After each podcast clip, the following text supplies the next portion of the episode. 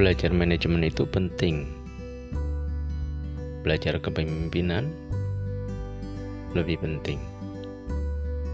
Tapi menurut saya, saya lebih tertarik melihat apa sih yang sebenarnya terjadi di balik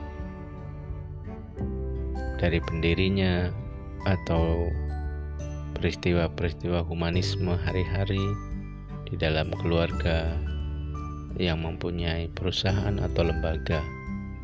Karena di sanalah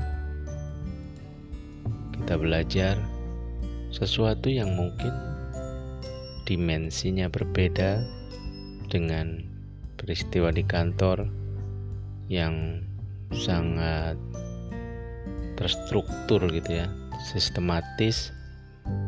Semuanya berjalan dengan penuh perencanaan dan kemudian dibaluti dengan berbagai nilai-nilai atau budaya organisasi yang merupakan hasil atau dampak atau efek dari kepemimpinan si empunya atau uh, pimpinan uh, jajaran direksinya.